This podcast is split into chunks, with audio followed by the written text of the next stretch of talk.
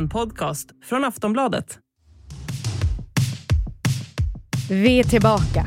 Och det är politikerna också.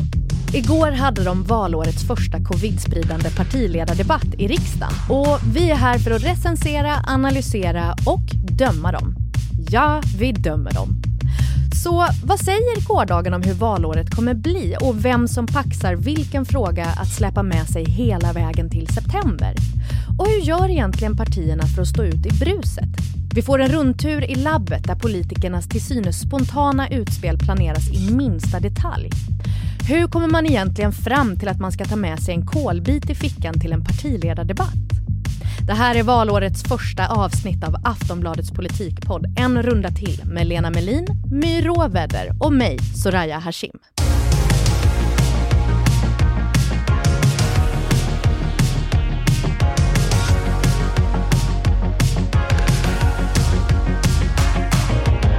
Välkomna tillbaka Lena och My.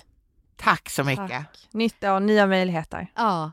Och eh, debatten igår, partiledardebatten igår, var ju inte bara årets första utan valårets första. Vi är där nu. Vi är på valåret.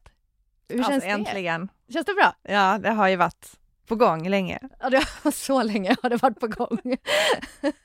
typ fyra år. Typ fyra år, längtat. Eh, men men det, här, det här var ju ändå en chans för dem att sätta tonen för året med, med liksom vilka frågor de valde att lyfta.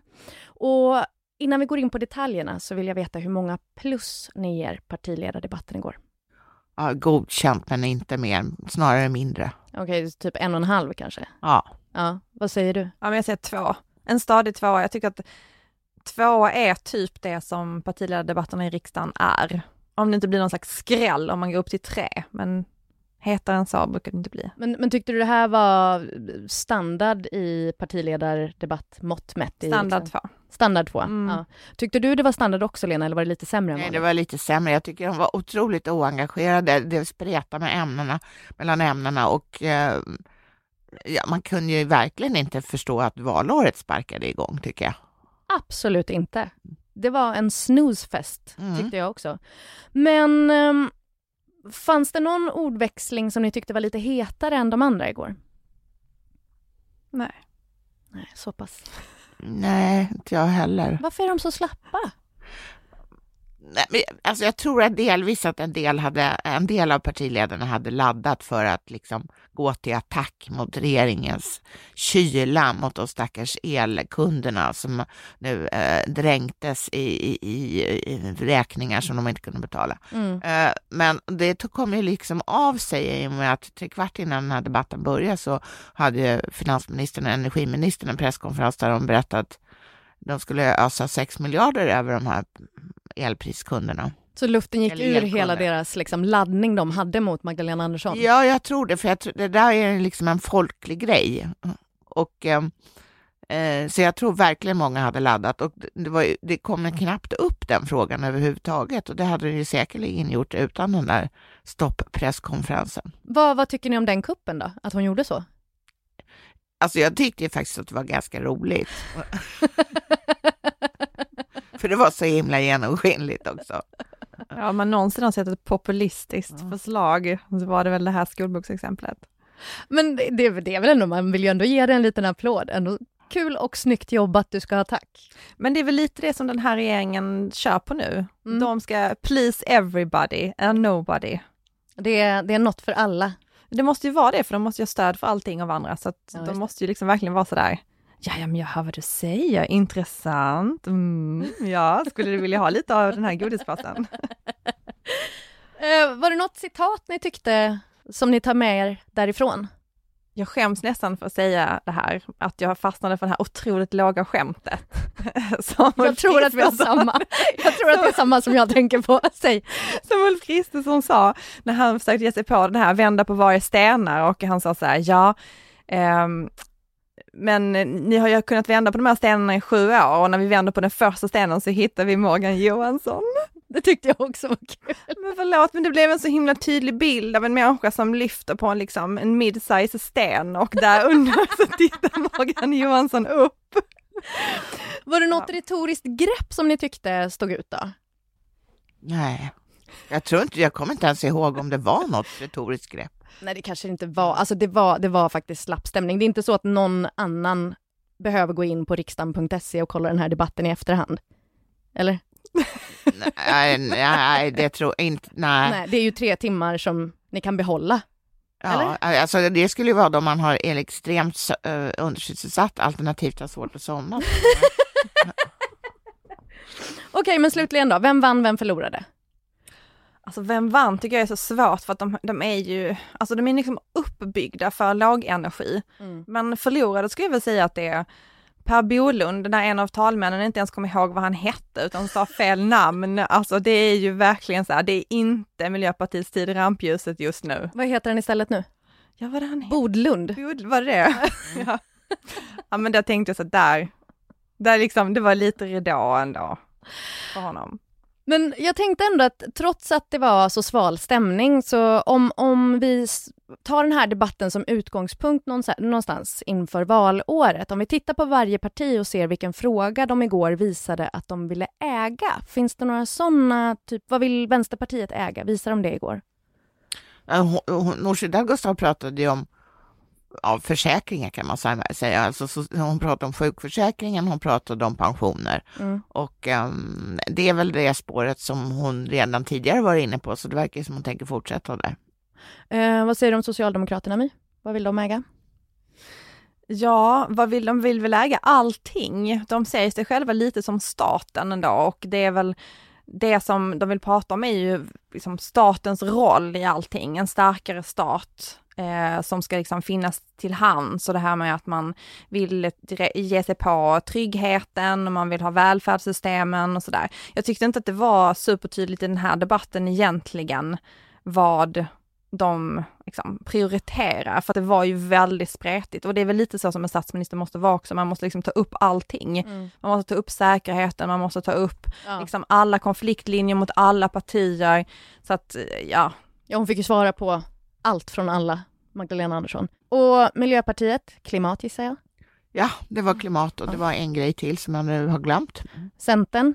Ja men Centern har ju lite två spår egentligen. Det är ju det här med liksom den gröna kraften som ska Eh, alltså den gröna omställningen som ska värna landsbygden, det är väl liksom deras nisch i det här. Och sen har de ju det här spåret som handlar om Sverigedemokraternas bristande demokratireflexer. Alltså liksom mer en principfråga än en sakfråga egentligen. Mm. Eh, och det har ju Annie Lööf, tror jag, bestämt sig för att hon ska ta upp liksom vid alla tillfällen. Det är ju också ett sätt för dem att liksom bygga på den här, den här liksom ståndpunkten som de har, att man inte ska släppa in Sverigedemokraterna till makten mm. under några omständigheter. Mm. Så det är liksom de de driver. Men sen är det ju väldigt mycket det här, alltså för Miljöpartiet så blir det ju svårare eftersom alla partier är nu klimatpartier, men de som kanske har lite mer trovärdighet i de frågorna är ju Centerpartiet. Liberalerna, vad vill de? Vad var det de försökte visa var deras alltså, fråga Han igår? var ju den enda som tog upp skolfrågan, Johan Persson, som de, var den som deltog i debatten eftersom Nyamko Sabuni inte sitter i riksdagen. Och, och, det där det tyckte jag ändå var intressant, för, för inte jättelänge sedan hade alla pratat skola. Exakt! Vad hände med skolan? Kommer den tillbaka nu? Ja, det verkar, ja, alltså de försöker sätta den på kartan igen. Delvis för att de har förlorat skolfrågan. Mm. Eh, de så att säga, äger den inte i väljarnas ögon utan tvärtom bortsopade från skolkartan som ju var deras trumfkort förut. Verkligen.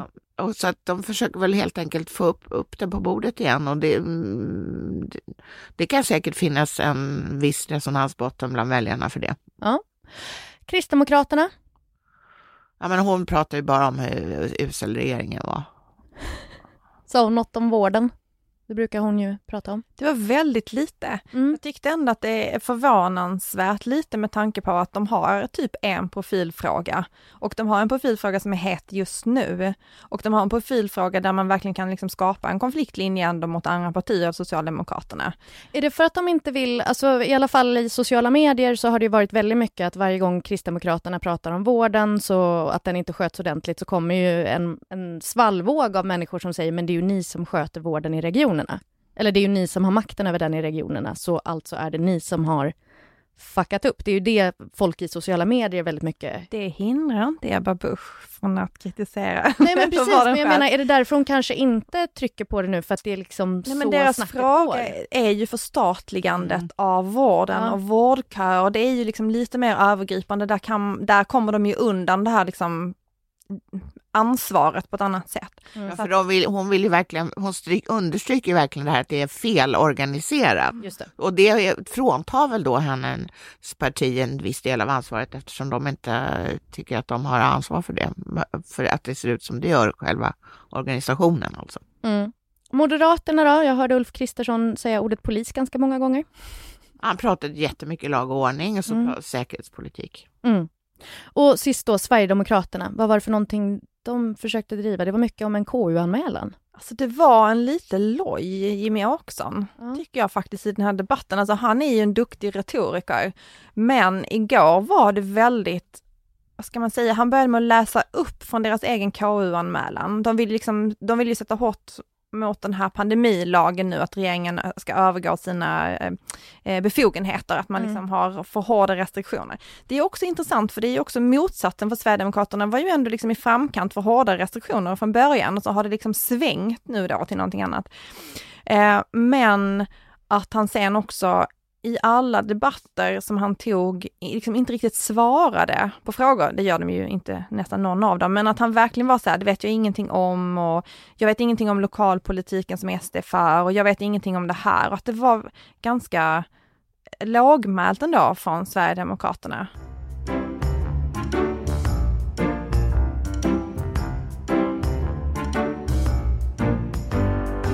Men en sak som den här debatten fick mig att tänka på var hur partier gör för att stå ut i bruset. Som nu då när alla pratar om elen. Hur ska då till exempel Liberalerna lyckas stå ut i den stora massan? Hur ska de lyckas få folk att förstå att det är just deras snack om elen som är det viktiga?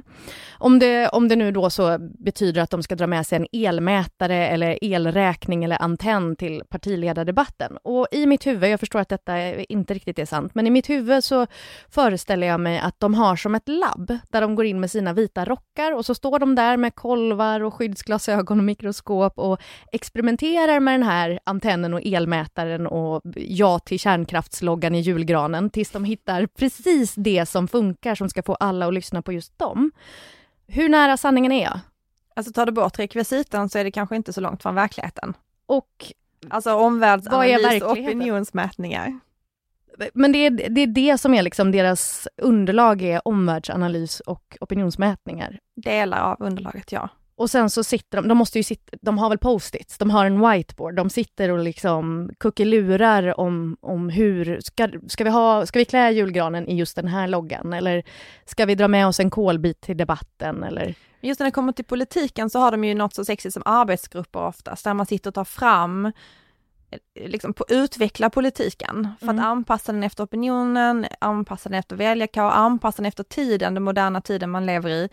Eh, och efter liksom vad partiet har för behov och vad man ser för strömningar och sådär. Så att det är ju någonting som sker kontinuerligt. Det dyker ju upp ibland. Det här Mm. har arbetsgruppen sagt. Jo men precis, det här har arbetsgruppen sagt, men är det också arbetsgruppen då som kommer fram till hur det ska utföras, hur det ska läggas fram för den så att säga publiken? Alltså den, de där arbetsgrupperna är ju lite ofta lite mer långsiktiga än det här snabbt snappa upp det som är, gäller för dagen. Det Mm. görs ju så vitt jag begriper oftast i absoluta närheten av partiledaren eller statsministern. Och då är det några personer som de litar på, så sitter de och bollar idéer. Ja, precis. Om ni då får vara labbet en stund, så att jag förstår lite mer hur det hänger ihop. Nu är ni labbet och så ska ni komma fram till att Gustav Fridolin ska ta med sig en kolbit till tv-studion. Hur, hur tänker ni då? Alltså hur kommer ni fram till att just han ska ha med sig en kolbit i en eh, tv-debatt? Att Vattenfall, vårt största bolag, används för att bryta kol istället för, förny- för att bygga förnybart. Tack för det Samt- Gustav. Ja, men Vi jag- ska fortsätta debattera miljö nu. Så. Tack så länge. Ja, men jag fattar, du, har- du har din kolbit där så jag förstår att den, du kommer få använda den. Eh, för knappt två veckor sedan så var det, ju Det, faktiskt det är så bättre att vi... att de ligger så här än att de bränns. Ja, du, eh, jag är helt säker på att du kommer förklara ännu mer om den här kolbiten alldeles strax. Ja, det är jättekonstigt därför att kolbitar är inte något bekant för svenska folket. De Nej. flesta har aldrig sett en kolbit överhuvudtaget förut och förknippar det heller inte med something, something evil som ju var meningen att man skulle göra där. Så att, eh, jag tycker det där var nog ett felgrepp.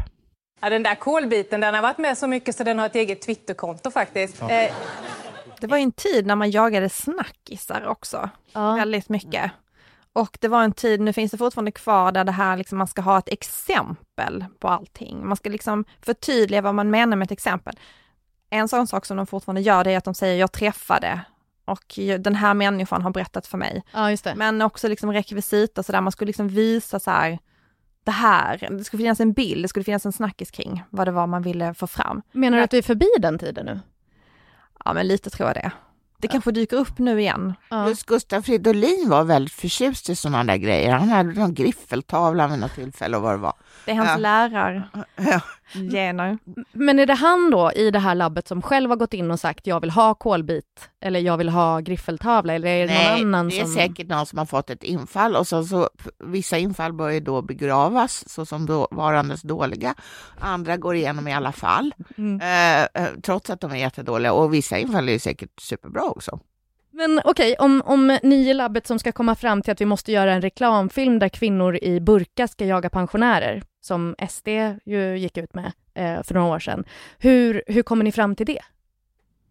Ja men de har folk för sånt. Sär- Särskilt Sverigedemokraterna som har en kommunikationschef, eller vad han är, Joakim Wallerstein som eh, kommer upp med den här sortens idéer. Mm. Just det, honom har vi ju nämnt tidigare när vi Precis. pratade om hjärnorna bakom stjärnorna. Precis.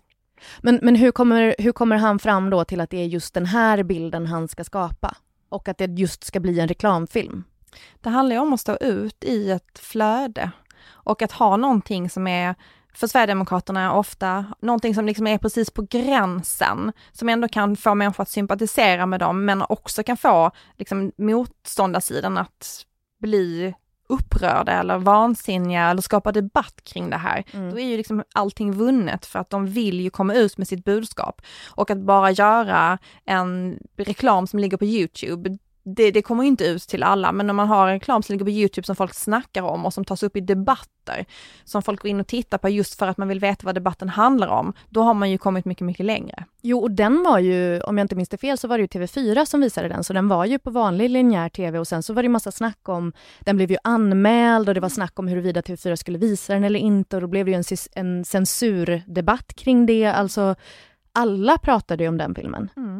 Och den var tydlig, jag minns ju vad den handlar om till skillnad från kolbiten. Men Nej, men jag håller med att ko- kolbiten kommer man inte ihåg för att man bara kommer ihåg, man ser honom stå med och vifta med den liksom.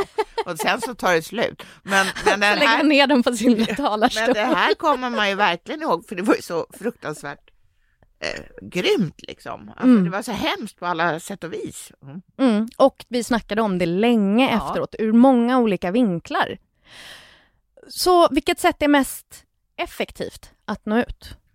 Eh, För det första är det ju bra om man är först eh, och då också har spetsat sitt budskap någorlunda bra.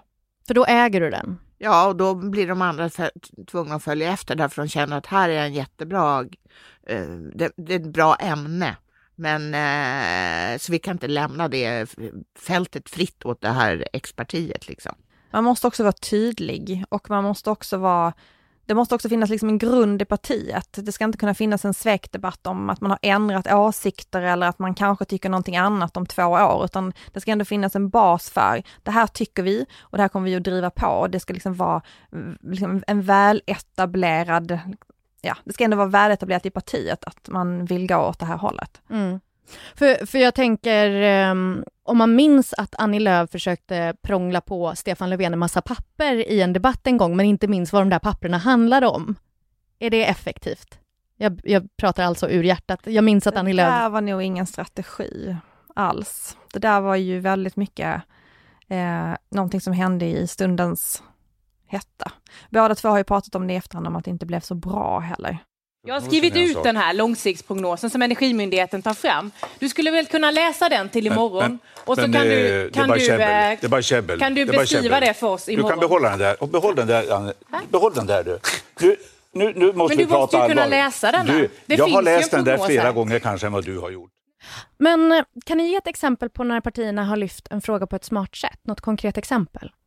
Alltså det bästa exemplet jag vet är ju när dåvarande Folkpartiet, alltså nuvarande Liberalerna, eh, i valrörelsen 1985, det är ju jättelänge sedan, eh, hade de här affischerna med eget rum på långvården.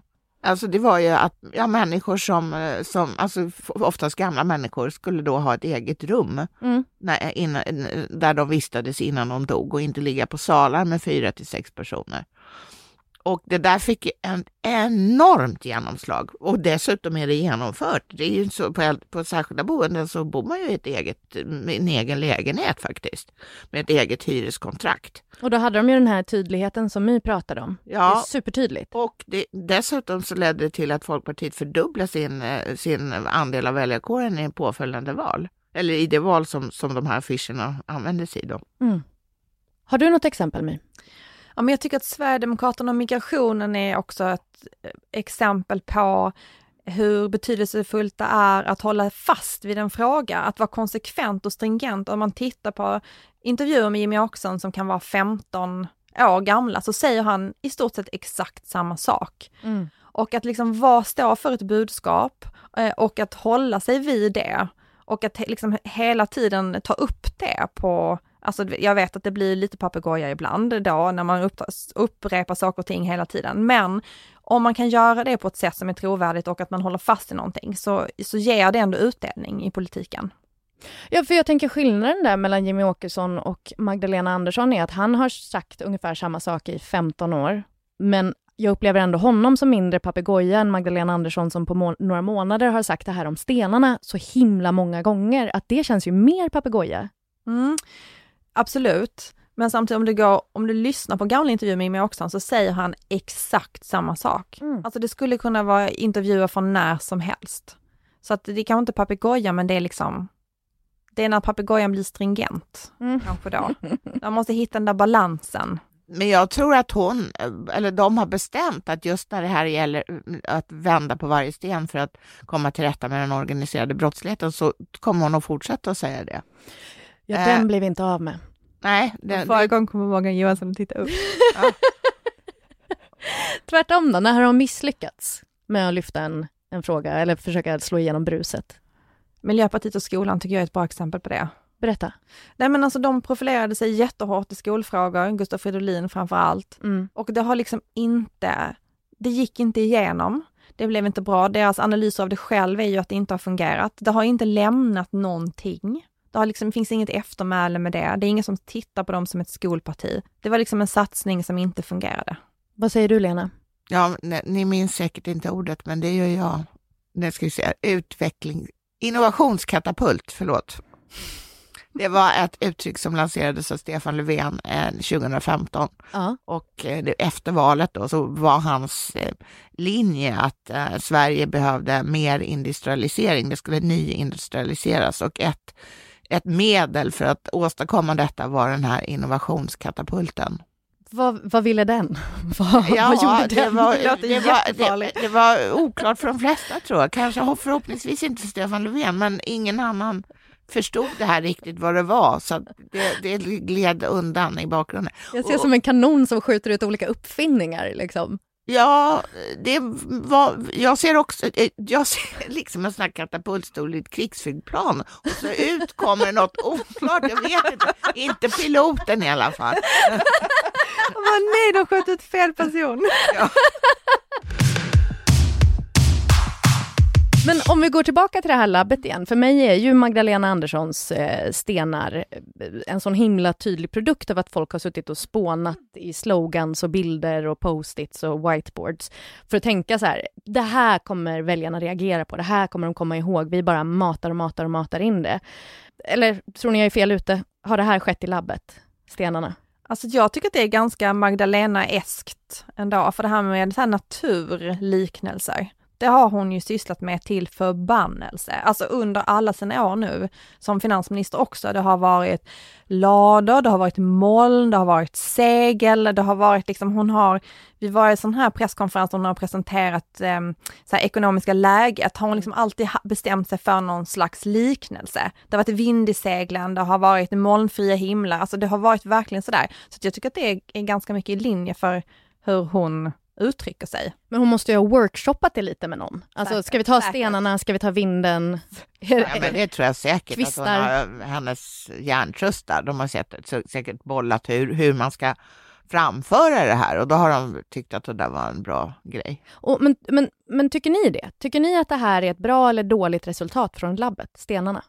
Du, du tycker uppenbarligen att det är ganska dåligt. Nej, jag tycker det är bra. Ja. Jag gillar det inte, Aha. men det är bra. Okej, okay, ja, för jag tycker också att det är ganska bra. För att nu är vi väldigt konstiga eftersom vi lyssnar på jättemånga tal som Magdalena Andersson håller. Mm. Men de flesta människor gör ju inte det, så de, håller, de hinner inte tröttna på det här vända på varje sten. Nej. Utan då låter det ändå väldigt sådär att vi ska lä inte lämna någon möda ospard. Vi ska komma till rätta med det här på alla sätt och vis. Vi ska minska segregationen och vi ska höja straffen och vi ska, ja vad vi nu ska göra. Mm. Vad säger du My? Ja. Bra eller dåligt? Nej men jag, jag, precis jag tänker, jag tänkte inte som Lena, men nu när hon sa det så var det ju så uppenbart att det är inte konstigt att vi blir trötta på det, men att vanliga människor kan inte bli det. Eller människor som inte Sitter och lyssnar har det här intresset. Nej men precis. Nej men det är ju, det är tjatigt, det kan man ju inte komma ifrån om man lyssnar på, på vad hon säger ofta. Det är det ju, men det är ju effektivt tror jag. Alltså ofta tänker jag med politiker, hur orkar de lyssna på sig själva? Men just det här när man har ett sånt här budskap som ska sägas liksom 10 000 gånger och samma sak om och om igen. Hur ork, alltså blir man inte trött? Jag känner att du beskriver mig. Nej, du som pratar, du som pratar hela tiden i olika program. Blir man inte trött på sin röst? Nej men alltså jag är så trött på min röst. Jag vill aldrig höra mig själv igen. Hej. En runda till är slut för den här veckan. Om du har någon fråga till Lena och My så kan du mejla oss på podcast.aftonbladet.se så kanske den dyker upp i programmet. Vi som har gjort det här avsnittet är producent Olivia Svensson, experter Lena Melin och My Råväder och jag heter Soraya Hashim. Tack för att ni lyssnar. Vi hörs nästa vecka.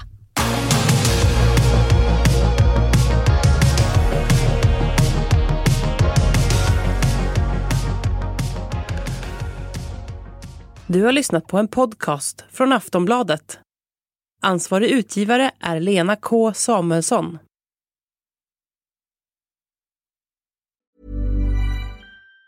Even on a budget, quality is non-negotiable. That's why Quince is the place to score high-end essentials at 50 to 80% less than similar brands. Get your hands on buttery soft cashmere sweaters from just 60 bucks, Italian leather jackets, and so much more. And the best part about Quince, they exclusively partner with factories committed to safe, ethical and responsible manufacturing. Elevate your style without the elevated price tag with Quince. Go to quince.com slash upgrade for free shipping and 365-day returns.